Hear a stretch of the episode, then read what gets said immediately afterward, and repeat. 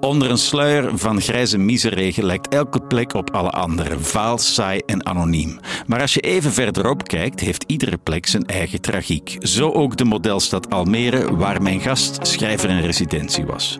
Op een dag hoorden ze daar over een meisje dat jaren eerder op een onrustwekkende manier was verdwenen. Ninja Weijers kon niet anders. Ze moest meer weten. En dus schreef ze haar eerste true crime boek, Cassandra. Dit is Voorproevers. Ik ben Bent van Looy. Welkom. Voorproevers. Welkom Ninja Weijers. Jij uh, als meanderende denker en diepzinnige fictieschrijver gaat aan de true crime. Ja, uitstapje. Was, ja. was je fan van het genre? Ja, ik heb nou fan uh, een uh, heel uh, ambiguë houding, denk ik, dat ik er altijd toe heb gehad. Dus aan de ene kant is het heel, ja, het is natuurlijk heel juicy vaak en het is heel aantrekkelijk en verslavend. En hè, er wordt de een na de andere podcast wordt er gemaakt over true crime. Er zijn veel documentaires, boeken.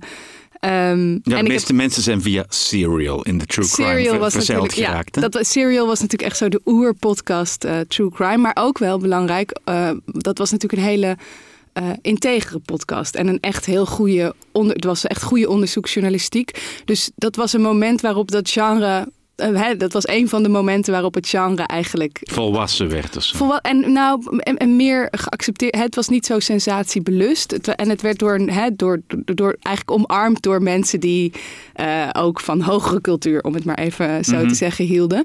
En zo zijn er natuurlijk in de geschiedenis van true crime altijd wel ook boeken geweest zoals Capote's in Cold ja, Blood. Dat ja, was natuurlijk ja. het is eigenlijk een literair meesterwerk. Um, maar het, het, grootste deel van true crime is natuurlijk wel eigenlijk gewoon goedkope sensatiezucht. Vaak over de rug van uh, slachtoffers. En um, dus, dus in die zin uh, had ik daar altijd een heel dubbele houding toe.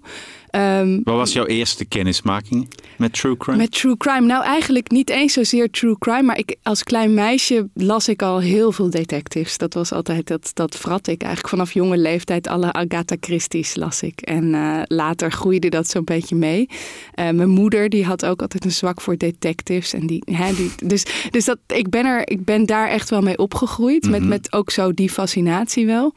Um, maar uh, ja, dus, dus ik kwam in Almere uh, te wonen. En dat ja, was, um, daar moeten we het over hebben. daar moeten we het ja, over ja, hebben. Want... Ja, dat is misschien in België helemaal niet een uh, Vertel heel eens, Almere plek. Is, is een soort modelstad. Ooit gebouwd ja. voor de toekomst, hè?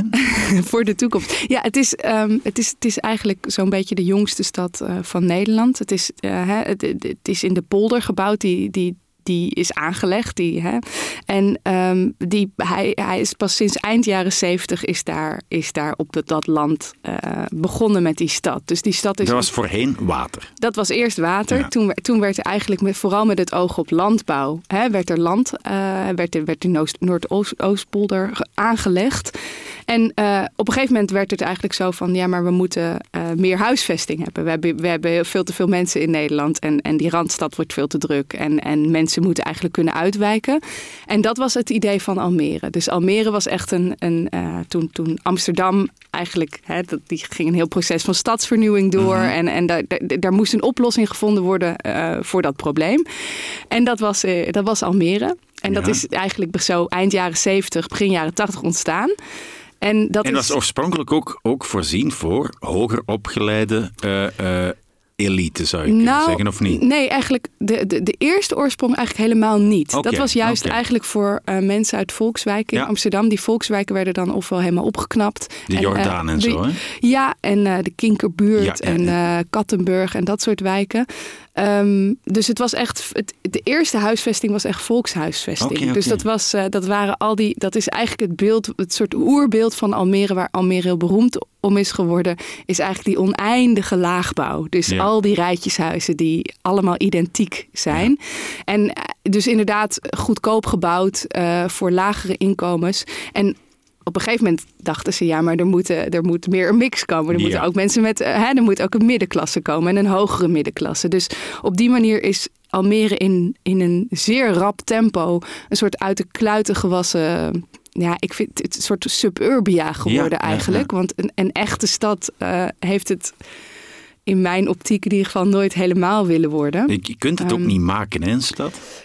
Nee, dat het moet groeien. Het moet, ja, en dat zie, je ziet inderdaad in Almere hoe dat dus hoe, hoe dat werkt als iets eigenlijk veel te snel groeit. En, en uh, je ziet ook dan per wijk heel erg wat de idealen waren uh, voor het wonen per wijk. Uh, dus, hè, en, en, welke doelgroep ze dan aanspraken. Dus het heeft ook wel iets heel fascinerends. Het is mhm. ook wel heel interessant om te zien hoe je hoe een stad dus met heel concrete idealen wordt gebouwd. Ook hè, vanuit het idee van er moet niet één stadskern zijn, er moet heel veel groen zijn, er moet heel veel water zijn. En dat is ook daadwerkelijk het geval. Er is heel veel groen en heel veel water in Almere. Um, maar, jij, komt dus aan. Ik kom daar aan, ja, precies. Op, ja, uitnodiging, op uitnodiging ja. van de gemeente Almere. Ja, ja. klopt. En, en, ja, Waarom hadden ze jou nodig? Ja, ze hadden mij nodig um, voor een project dat is al, inmiddels al meer dan tien jaar loopt. En dat is wel een heel bijzonder project. Dat, zijn, dat is een project met gastschrijvers, waarbij, waarbij schrijvers dus echt een, een poosje in de stad wonen. En, mhm. en dat, dat he, uiteindelijk daar een boek over schrijven. En dat, dat was helemaal vrij, die opdracht. Anders had ik hem ook zeker niet aangenomen. Maar het was ook heel grappig, want ik kreeg dat verzoek. En soms krijg je gewoon op het goede moment in je leven zo'n verzoek. Ja. Uh, ik moest mijn huis uit in Amsterdam, heel praktisch. En ik dacht, uh, ja. ja. Almere leek me wel fascinerend eigenlijk. En ook echt een plek. Nou, ik was er ooit wel eens geweest, weet je wel. En ook omdat het misschien um, heel exotisch was voor jou. Ik, had, ik, vond het, ik vond het dus op een bepaald... Ja, dat klinkt een beetje... Dat klinkt dan bijna denigrerend. Maar ik vond het zo... Uh, het lag zo niet voor de hand voor mij om ja, daar te gaan wonen... Ja. dat ik dat ook wel weer heel spannend vond.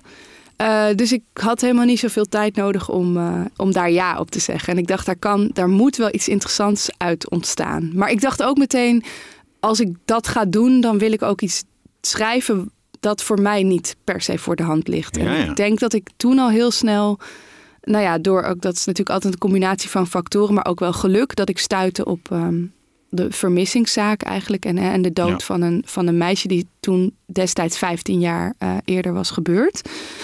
En uh, daar, ja, daar, daar, ik merkte dat dat heel erg leefde in de stad. Dat, mm -hmm. dat veel mensen dat daar, dat daar nog over hadden. En, mm -hmm. en het meisje heette Cassandra. Ja. Mijn boek heet ook Cassandra. En, en je dus... Almeerse huisbaas vertelt er jou over, hè? Ja, mijn Almeerse huisbaas die uh, was destijds uh, al heel lang eindredacteur bij de Omroep Flevoland, uh, de regionale omroep daar. En die wist echt alles over de geschiedenis van die stad en die regio. En die, die, die vertelde mij daarover. En die vertelde erover dat toen zij uh, vermist geweest, uh, drie weken lang. Hè? Dus uh, toen is haar lichaam gevonden in de Noorderplassen. Dat is een groot water bij -hmm. Almere. En toen is daar uiteindelijk, hebben vrienden van haar een grote stille tocht georganiseerd. En die stille tocht was een soort, dat, dat zei mijn huisbaas van, dat was eigenlijk een hele rare sfeer. Want daar wapperden heel veel Nederlandse vlaggen en dat was, er was heel veel politie op de been. Um, omdat zij onderdeel uitmaakte van, een, van eigenlijk een soort vriendengroep waar, hè, van, dat heette destijds Lonsdale Jongeren. Ja, ik, ik denk dat, hè? Ja, een soort, een soort skinhead. In België zijn de Lonsdales ja. ja, ja. toch extreem rechts een beetje. Ja, dat was in ieder geval wel... Uh, uh, dat, wat was het, dat was het imago ja, in ieder geval heel erg. En dat, dat leefde ook wel. Maar het was ook deels gewoon echt een, je, een jeugdcultuur... waar, waar hè, heel erg hardcore. En het was een soort... Gabberhouse. Gabberhouse, ja, ja, Nou ja. Het was een voortzetting van die gabbers. Dus het was niet lang niet iedereen was heel politiek nee. daarin. Het was ook gewoon een jeugdstijl, maar zij maakte daar onderdeel van uit. En ik op de een of andere manier, ja, fascineerde me dat. En ik, uh, in, in Nederland weet ook iedereen dat Almere is een plek waar um, rechtspopulisme heel vroeg al voet aan de grond mm -hmm. heeft gekregen. Dus het soort, Almere is in die zin een soort voorloper vaak voor de rest van Nederland. Oh, ja. En, net, net, omdat iedereen er als een soort van uh, proefdieren in bepaalde situaties gedropt ja. is. Of hoe zou dat komen? Ja, het is een, het is een vraag die ik uh, heel veel heb gesteld in ieder mm -hmm. geval. En waar denk ik heel moeilijk een heel eenduidig antwoord uh, op te geven is. Maar het heeft er inderdaad wel mee te maken dat ja, mensen al dan niet gedwongen vaak naar die plek zijn uitgeweken. Ja. En um, ook wel dachten van we laten de grote stad achter ons en daarmee de grootsteedse problematiek. Ja. Maar Almere is inmiddels ook gewoon een grote stad. En ook een heel, uh, uh, heel gemengde stad. Uh, heel veel culturen leven door elkaar heen. Maar nog, nog eigenlijk nog diverser dan in veel steden in de rest van Nederland. Ja, dus daar ging van alles broeien en leven. En um, al die dingen ja, die, die interesseerde mij. Ik wilde wel graag weten wat dat allemaal met elkaar te maken had. En, die Cassandra was een soort metafoor daarvoor. Of, of, of, of, door haar kon je al die dingen aanraken? Door haar, ja. Ik zou niet willen zeggen metafoor. Daarvoor uh, was ze natuurlijk wel veel te echt. En um, uh, had ik echt te maken met... Uh, Hoe snel werd dat duidelijk dat ze een echt meisje was? Goh, eigenlijk... Nou ja, dat... De, de, ja, dat is wel een goede vraag. Ik denk dat ik me dat echt begon te realiseren toen ik al echt mee bezig was. Dus toen ik had besloten van ik wil hier graag over gaan schrijven. En toen ik dus um, contact moest gaan zoeken met allerlei mensen die haar uh, nabij waren geweest. Dus in eerste instantie familieleden. En ik had ook me echt voorgenomen van als die niet willen dat ik dit schrijf, dan ga ik het ook niet doen. Mm dat, dat, dat wilde ik gewoon niet. Um, dus dat was een soort eerste confrontatie met, uh, met die heel erge echtheid en de echtheid van dat verdriet. En als je mensen spreekt, en, en ik heb die familie natuurlijk vaak gesproken, dan begin je ook ja, steeds meer te, te voelen hoe dat dus is om, om iemand, niet alleen iemand kwijt te zijn, maar ook al zo lang te leven met een totaal gat aan informatie eigenlijk. Want het mhm. is, er, dit is een zaak, dat, dat zou ik er nog even bij moeten vermelden, waar bij het spoor eigenlijk al heel snel is opgedroogd. Een soort heel, het is echt een heel onaf verhaal. En er is eigenlijk nu inmiddels 17 jaar later is er nog steeds maar zo weinig, uh, zo weinig bekend. Maar ehm, misschien moeten we eerst even schetsen wat er precies gebeurd is. Hè? Ja. Het gebeurt op, op, op een nacht ja. naar de disco. Ja, heel klassiek op een bepaalde manier. Ja, ze moest uh, naar huis en ze wilde de laatste bus halen, want ze had beloofd dat ze om vier uur thuis zou zijn. En toen heeft ze op een haar na uh, die laatste bus gemist. Um, en toen is er één getuige geweest die haar nog heeft gezien, die daar later op terug is gekomen. Die heeft gezegd: Nou, ik heb haar gezien bij die bushalte en ik heb haar met twee jongens mee zien lopen. En dat is eigenlijk van men is ervan uitgegaan dat dat twee misschien illegale taxichauffeurs waren die haar ergens heen hebben gebracht. Um, nou, je schrijft ergens van dat, dat soort waarnemingen of dat soort herinneringen ook heel erg aan verandering onderhevig zijn en, en, en ook heel gekleurd zijn. Je zegt, het lijkt een wetmatigheid. Als mensen lang genoeg praten zonder echt iets te weten, veranderen de meest willekeurige dingen in rode pijlen die wijzen naar een jongen die niet zo lekker uit zijn ogen keek, een vreemdeling, die iets te goede vriend. Ja, ja dat, is, dat is denk ik iets. Eh, ik, ik mocht natuurlijk, of natuurlijk niet natuurlijk, maar ik mocht uiteindelijk van de politie ook wel een aantal dossiers zien van de zaak. Om, om ook het gevoel te krijgen van hoe, hoe werkt mhm. het nou.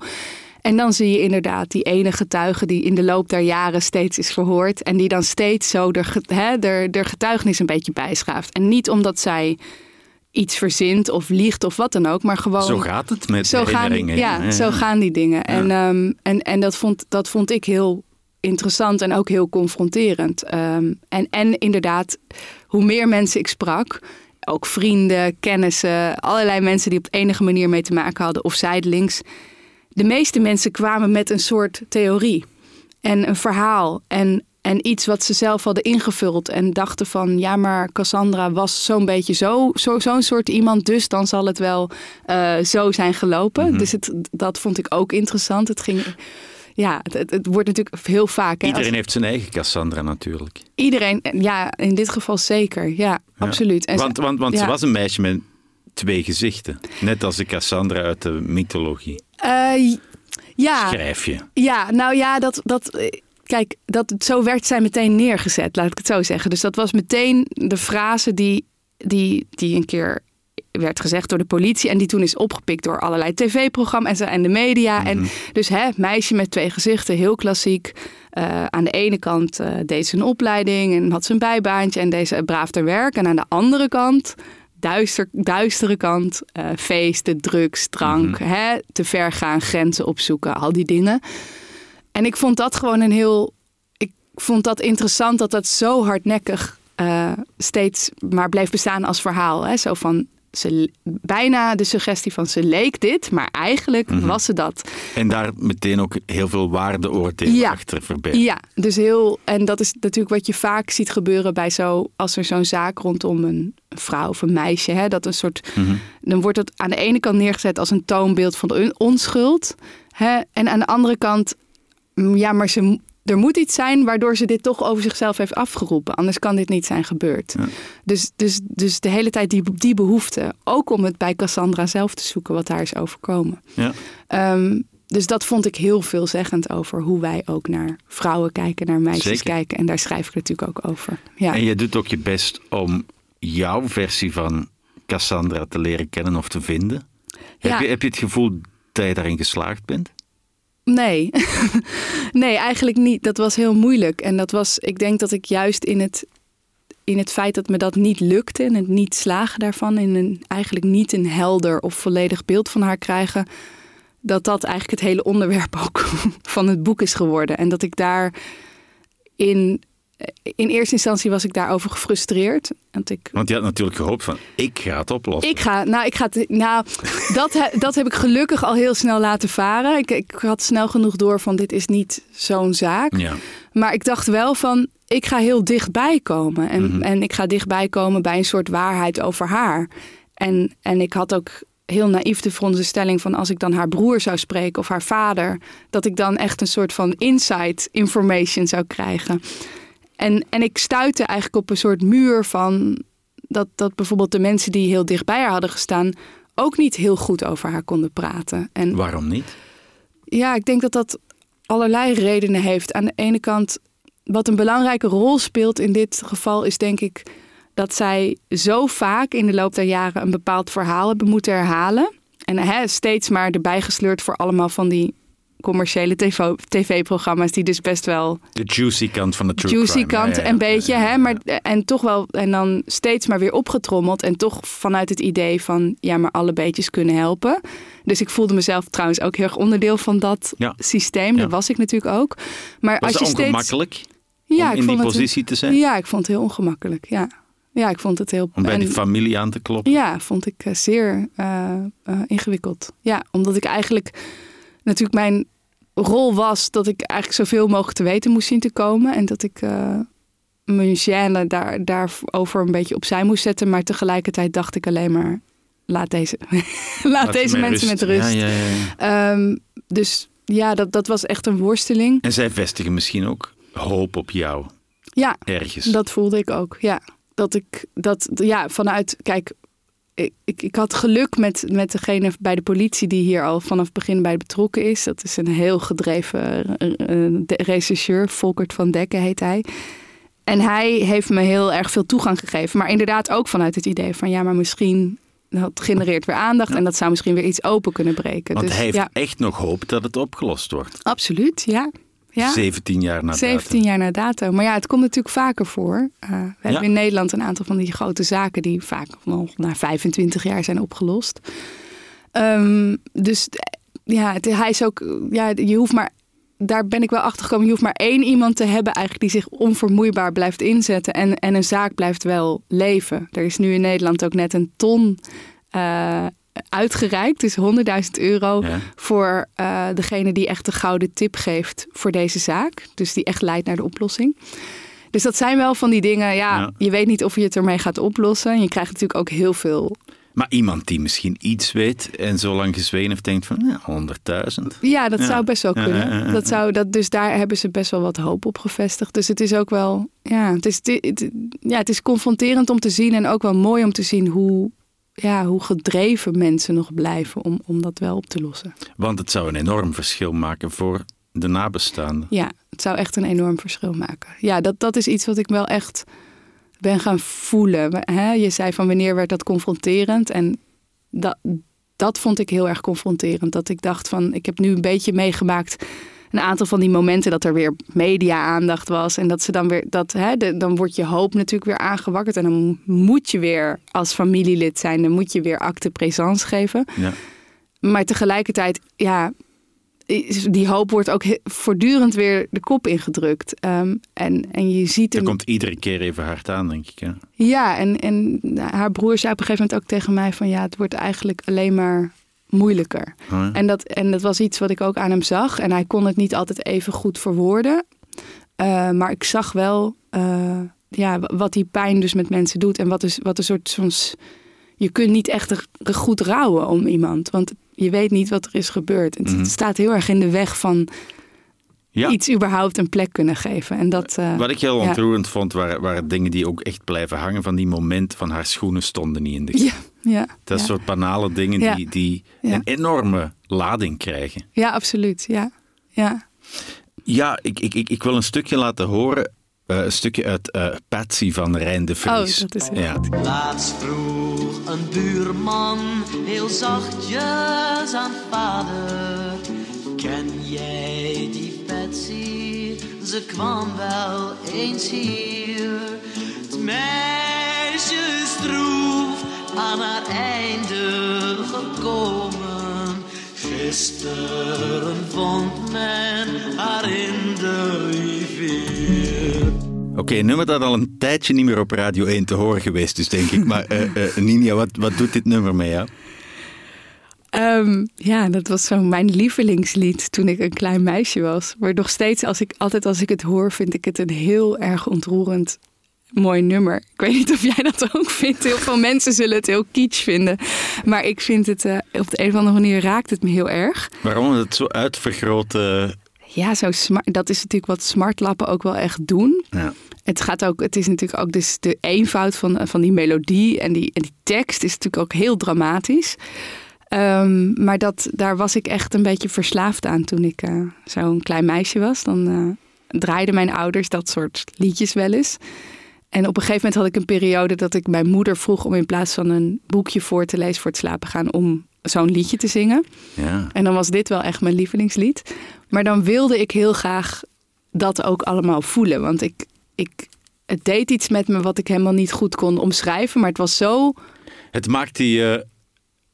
Wat, wat, ja, nee, ik ben, ja? ja? het was zo groot. Het, het voelde. Ik had er niet echt taal voor, maar wat ik voelde was iets heel groots. Alsof ik, en dat schrijf ik ook in mijn boek, van alsof ik ineens werd aangesloten op het grote leven, op het leven zelf, in plaats van alleen maar mijn hele kleine leven. En, alsof je zelf meespeelt in een spannend boek of zo, of in ja, een alsof, verhaal. Is ja, zoiets? Um, ja, alsof het leven gewoon nog veel grotere emoties te bieden heeft dan ik tot dan toe had ervaren. En je moet natuurlijk niet vergeten dat al die liedjes, heel veel van die liedjes, gaat natuurlijk om de tragische manieren waarop meisjes en mhm. vrouwen aan hun einde komen. Of, of hè, in, de, in, de, in de goot belanden. En dat Patsy is natuurlijk een voorbeeld. En het gaat over een meisje dat uh, in armoede uh, leeft. En, en verliefd wordt op een jongen van hogere stand. En dan het water inloopt en zichzelf verdrinkt.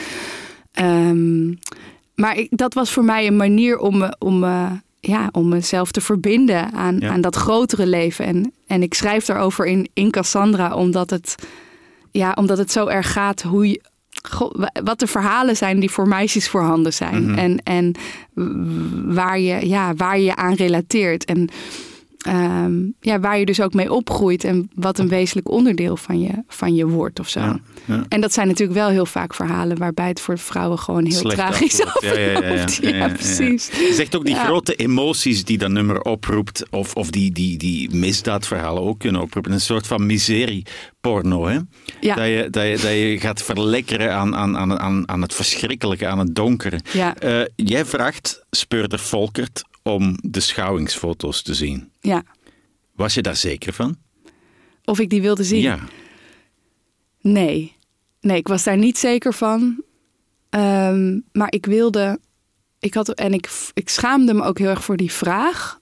Uh, want ik, had, ik wist ook van. Ik vraag iets wat. Ja, dat is te. Het is zo erg. Mm -hmm. Het is zo intiem en zo verschrikkelijk.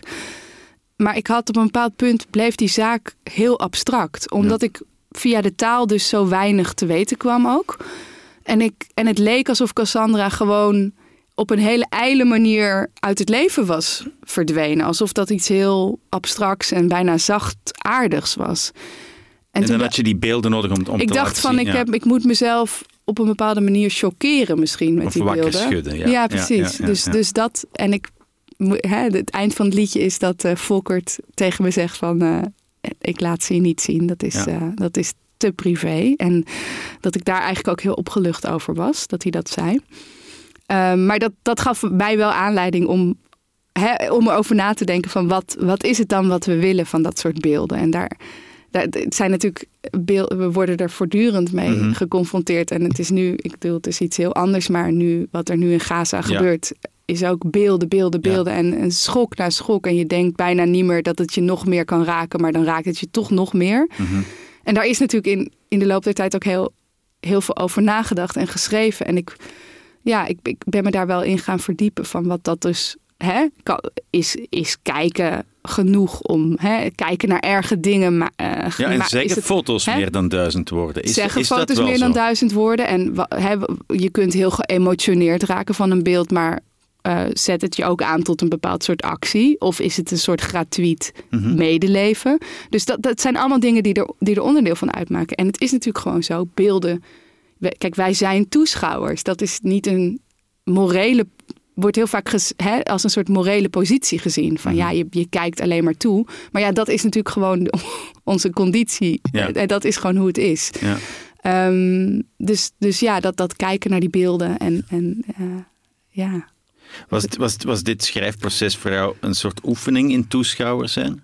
Ja, het, nou, het ontmoeten van die familie, het, het, het praten met nabestaanden, met, met de politie. Ja, ja, dat was natuurlijk een heel, dat werden hele pregnante vragen. Die, die werden in dit boek gewoon voor mij heel concreet. Want het zijn vragen die ik sowieso mezelf stel in, bij het schrijven van wat ik dan ook doe. Wat ik alle, maar hier werd het zo concreet, want ik had zo direct te maken met al die mensen. En, en tot het eind aan toe. En eigenlijk tot nu, weet je, die mensen leven nog buiten het boek om. En dat heb ik ook nog nooit eerder meegemaakt. Dus hoe, hè? dat zijn echte mensen. En die leven echt en die lezen die tekst. En je moet er iets mee. Ehm, dus ja, ik, ik voelde me heel erg een toeschouwer en ik voelde me heel erg een indringer ook vaak. Ik mocht op een gegeven moment mee met een soort actiedag van de politie. Uh, en er deden ze een huiszoeking. Uh, en er was een heel was een drugsdealer en er was een heel treurig huis. Een enorme chaos, echt heel schrijnend. Hmm. En ik stond daar in, in een slaapkamer en ik dacht echt, oh, dit is precies uh, een soort uitvergroting van wat ik eigenlijk al de hele tijd aan het doen ben. Je, ik, ik, kom eigenlijk heel ongevraagd bij mensen binnen. En ik zie eigenlijk veel te veel. Ja. um, en toch moet ik, het, moet ik er ook wat mee. Moet ik het ook opschrijven. En die opdracht had ik mezelf ook natuurlijk gegeven. En hoe moeilijk was dat om dat te gieten in een boek? Ja, want, want, want, want ja. je hoopt natuurlijk dat je, dat je het verhaal gaat ontwarren. Ik bedoel, je, je gaat ook bij, bij een vriendin van haar op bezoek die even niet lijkt wie, wie, wie ze is, wie ze lijkt te zijn. En, en, en daar, daar vestig je dan ook op van misschien is dit de sleutel tot het verhaal. Nu, uiteindelijk is het ja, een verhaal. Je zegt van ik had de ontknoping gevonden van een boek zonder ontknoping. Ja. Ja. ja. En, en ja, dan, dan moet dat toch een boek worden. Ja, nou ja, ik kan wel, ik kan wel omgaan met dingen die, die niet, niet heel duidelijke ontknoping hebben. Uh, daar ben ik op zich wel bedreven in. En dat vind ik ook vaak best interessant. Omdat het me toch altijd om iets anders gaat, mhm. uiteindelijk. Um, maar ik, uh, ik, ja, dat, het, was, het was helemaal niet makkelijk om dit in een boek te gieten. Omdat ik aan de ene kant had ik te maken met een gigantische berg informatie. Een soort hoeveel, een enorme hoeveelheid. Mhm. Maar ook met een heel erg gebrek. Want er, was, er ontbrak zoveel wezenlijks. Dus het... En met een verantwoordelijkheid tegenover de mensen met wie je praat, dat, die dus echt daar, bestaan. Ja, dus daar, voelde ik me, daar moest ik me ook op een bepaalde manier van vrijmaken. En, en toch weer denken van ja, maar het is, het is mijn boek. Mhm. Los van, hè, ook los van die mensen. Um, en, en ik, ik, voel, ik voelde me ontzettende manipulator van dat materiaal. Want ik dacht, ik heb zoveel materiaal in principe om uit te kiezen. Ik ben degene die nu tegen de lezer zegt: Dit is het verhaal dat ik vertel. En dat is, doe je natuurlijk altijd, maar dat werd heel concreet. Ehm, en ik denk dat ik voor mij in mijn, in mijn eigen schrijven had ik een echte doorbraak toen ik dacht: Ja, maar ik ben zelf wezenlijk onderdeel van dit verhaal. Ik, ik, had, het, ik had eerst gedacht van, ik hou heel erg een soort journalistieke distantie. Mhm. Maar toen dacht ik, ja, maar ik, heb daar, ik zat daar in Almere. Ik was, hè, het was heel... Het was uh, tijdens de ergste lockdowns in coronatijd. Ik was net zwanger. En op de een of andere manier zijn die dingen ook verbonden. Verbonden met, elkaar. en verbonden met die tijd. En verbonden met hè, die zwangerschap had ook een bepaalde betekenis ten opzichte van het verhaal dat ik wilde vertellen.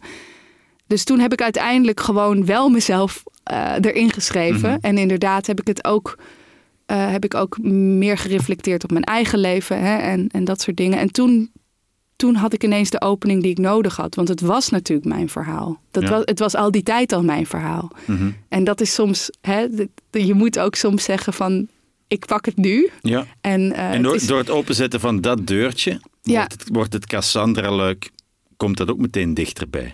Absoluut, ja. Dat was echt zo, ja, ja, dat was wel een vondst op een gekke manier. Ja, mhm. ik kon eigenlijk inderdaad dichter bij het verhaal van Cassandra komen door natuurlijk ook dichter bij mezelf te komen. Hoe denk je daar nu aan terug, aan die, aan, aan die tijd? En, en, ehm. en, aan het schrijven van een, of het, of het voornemen van het schrijven van een true crime boek, want het is uiteindelijk een Ninja Weijers boek geworden. Ja, ik ben bang van wel, inderdaad. Nee, het is het, ja, dat is het zeker. Dat kon ook niet anders, want ik ben nou eenmaal wie ik ben en ik denk hoe ik denk en ik schrijf hoe ik schrijf. Maar uh, hoe ik daaraan terugdenk, ik denk dat ik er ontzettend naïef aan begonnen ben en dat dat heel goed was, want anders had ik het denk ik toch niet afgemaakt of niet gedaan. Want het bleek, ik bleek me er enorm aan op verkeken te hebben. Mhm. Zoals dat gaat, maar dat was in dit geval zeker zo. Ik moest toch allerlei dingen doen die ik nooit had gedaan en hè, eh, ehm, ja, op een heel andere manier te werk gaan. Maar ik ben echt heel blij dat ik het heb gedaan. Ik heb er uh, heel veel van geleerd. Um, ja. En hoe is je houding nu tegenover true crime? Heb je nog een true crime podcast geluisterd? Heb je nog een... Ik ben er zelf nu een beetje... Het is, het is ook een soort overload geweest. Maar ik bedoel, voor, voor een goede true crime kun je mij alsnog wel... Hè? Kun je, ben ik wel te poren. Um, maar ik, ik weet niet, ik, het, is, het is natuurlijk deels is het een true crime en deels is het ook wel een kritiek op het uh, genre. Ja. Nina Wijs, bedankt voor het gesprek. Ja, jij bedankt. Wie graag alle andere voorproevers tot op het bot onderzoekt, dat kan. Op VRT Max hebben we ze keurig bij elkaar gezet.